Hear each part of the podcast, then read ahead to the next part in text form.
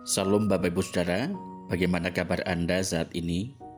Kiranya kita semua dipenuhi kasih anugerah Tuhan. Mari kita berdoa.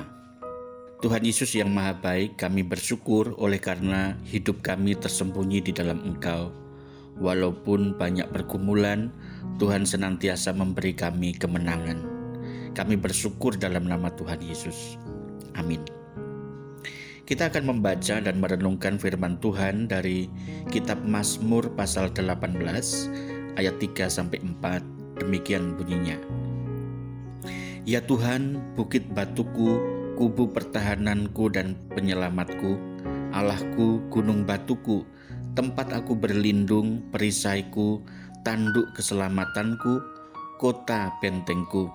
Terpujilah Tuhan, seruku, maka aku pun selamat daripada musuhku.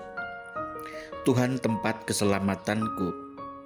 Dari Mazmur ini kita dapat mengetahui bagaimana Daud mengalami berbagai pergumulan dalam kehidupannya.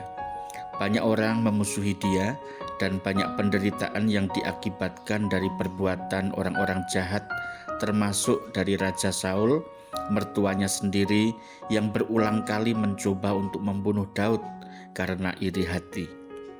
Namun Daud selalu memahami bahwa segala yang terjadi dalam kehidupannya oleh karena ketaatannya kepada Allah. Mazmur 18 hampir sepenuhnya sejajar dengan kitab 2 Samuel pasal 22. Dalam konteks ini, Mazmur mengerti sebagai perayaan puncak keberhasilan Daud sebagai raja karena penyertaan Tuhan. Namun dalam Mazmur 18 mungkin Mazmur ini lebih spesifik luputnya Daud dari musuhnya itu oleh karena pertolongan Tuhan. Genre dari Mazmur 18 ini adalah Mazmur syukur atas pertolongan Tuhan. Daud mengalami Tuhan sebagai sandaran yang benar-benar dapat diandalkan. Penggambaran tentang pribadi Allah dinyatakan dalam bahasa metafora seperti gunung batu, kota benteng, kubu pertahanan, dan sebagainya yang menggambarkan hanya Tuhan pribadi yang dapat diandalkan. Ayat 2 sampai 3. Namun Tuhan lebih dari gambaran pasif sesuatu yang besar, kuat, kokoh dan tidak tergoyahkan. Kalau kita membaca ayat 8 sampai 20, Tuhan digambarkan sebagai pribadi yang aktif dalam kemahakuasaannya menyelamatkan Daud.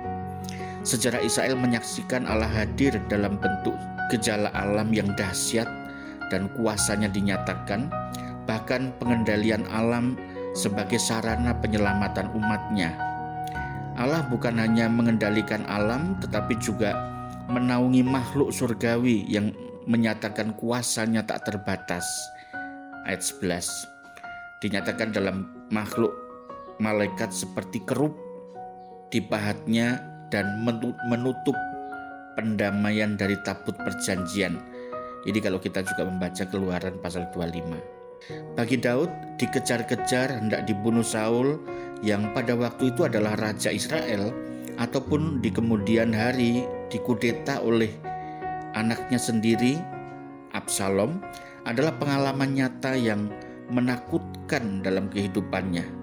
Namun pengalaman tersebut memperlihatkan kedahsyatan kuasa Tuhan yang telah meluputkan Daud dari musuh-musuhnya. Tuhan menjanjikan Daud dan keturunannya kelak akan terus menduduki tahta kerajaan Israel. Nah, Bapak Ibu Saudara, kita sebagai anak-anak Tuhan bisa mengalami hal-hal yang menunjukkan bahwa Tuhan tidak pernah meninggalkan kita dan dia adalah pribadi yang layak kita andalkan untuk menyelamatkan kehidupan kita. Mari kita berdoa. Tuhan Yesus dalam kehidupan kami ada banyak hal yang tidak dapat kami kendalikan. Pergumulan, penderitaan yang sering kali mengakibatkan kami menjadi lemah. Namun dalam kondisi itu kami percaya ada pribadi yang layak kami andalkan, yaitu pribadi Allah sendiri. Sembunyikanlah hidup kami ya Tuhan dalam naungan kuasamu supaya kami selamat. Dalam nama Tuhan Yesus kami mohon. berdoa dan menaikkan syukur. Amin.